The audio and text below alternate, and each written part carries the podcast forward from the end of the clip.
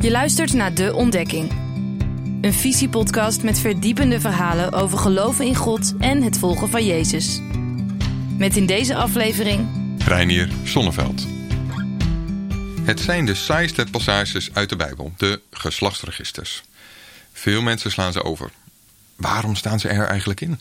Ik heb dit artikel geschreven omdat ik er toch iets moois in had ontdekt.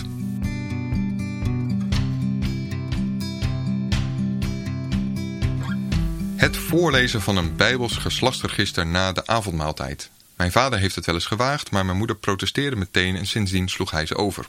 Best verstandig. Ik ga je niet beweren dat de Bijbelse namenlijsten nuttig zijn voor uw hel of zelfs gewoon maar nuttig. Sla ze gerust over. Echt. Er zijn nou eenmaal prioriteiten. Niet dat ze totaal zinloos zijn. Je kunt wel wat aardige details ontdekken. Het is wel even zoeken, maar dat heb ik gelukkig voor u gedaan. In de stamboom, meteen voor de zondvloed, Genesis 5, vindt u van die enorme leeftijden. Al vroeg stelden Joden en christenen hier vragen bij.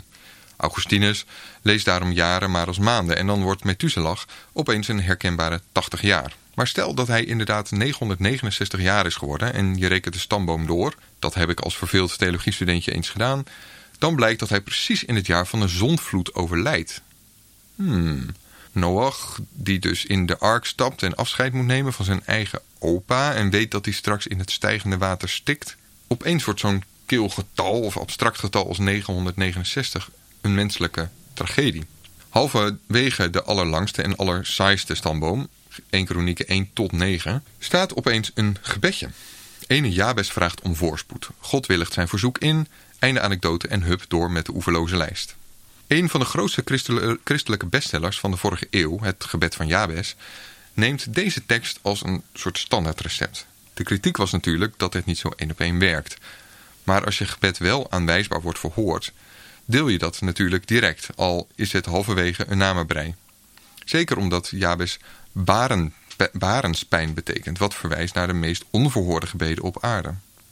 Veel christenen hebben ooit gepuzzeld op Jezus' stamboom waarmee het Nieuwe Testament opent.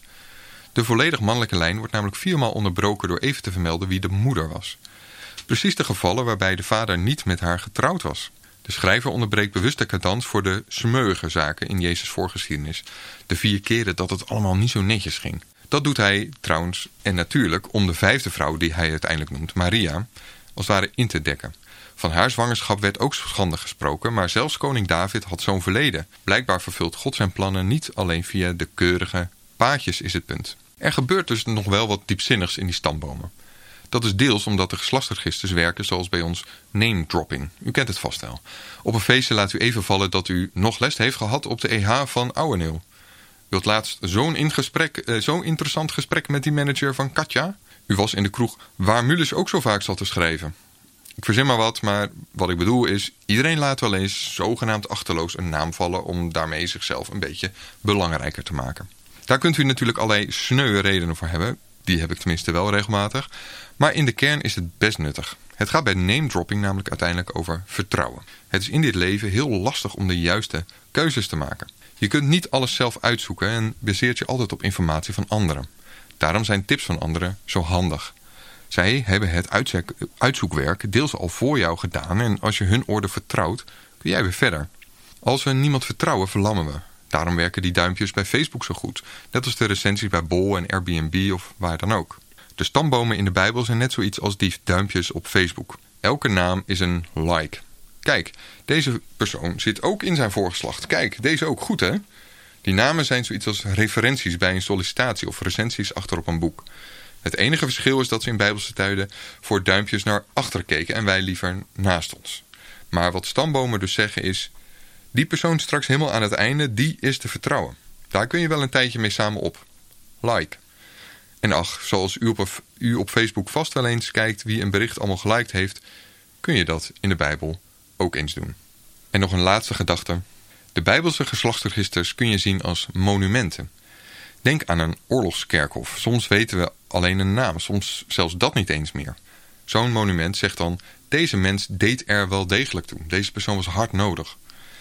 Het boekje Rut laat dat het mooiste zien. Zij lijkt een onbeduidend verhaaltje in een uithoekje, maar Rut blijkt de overgrootmoeder van koning David en zelfs een voorouder van Jezus. Jij bent Rut, zegt het Bijbelboekje tegen de lezer. Jij doet ertoe, jij bent nodig. Al hebben we niets meer dan je naam, al hebben we zelfs geen naam meer. De wereld kon niet verder zonder jou. Dankjewel voor het luisteren naar deze Visiepodcast. Vond je het leuk? Geef ons dan even een beoordeling in je podcast-app. Tot volgende keer.